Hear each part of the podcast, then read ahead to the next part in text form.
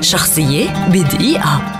أليكسي ماكسيموفيتش بيشكوف المعروف باسم ماكسيم غوركي هو أديب وروائي وناشط روسي ولد عام 1968 ويعتبر مؤسس مدرسة الواقعية الاشتراكية حيث يرى أن الأدب مبني على النشاط الاقتصادي في نشأته ونموه وتطوره لذلك ينبغي توظيفه في خدمة المجتمع. في التاسعة من عمره فقد غوركي والديه فتولت جدته تربيته وكان لهذه الجدة أسلوب قصصي ممتاز مما صقل مواهبه القصصية وقد صرح مرة إنه يكتب رواياته كما كانت تروي جدته القصص وبالأسلوب نفسه.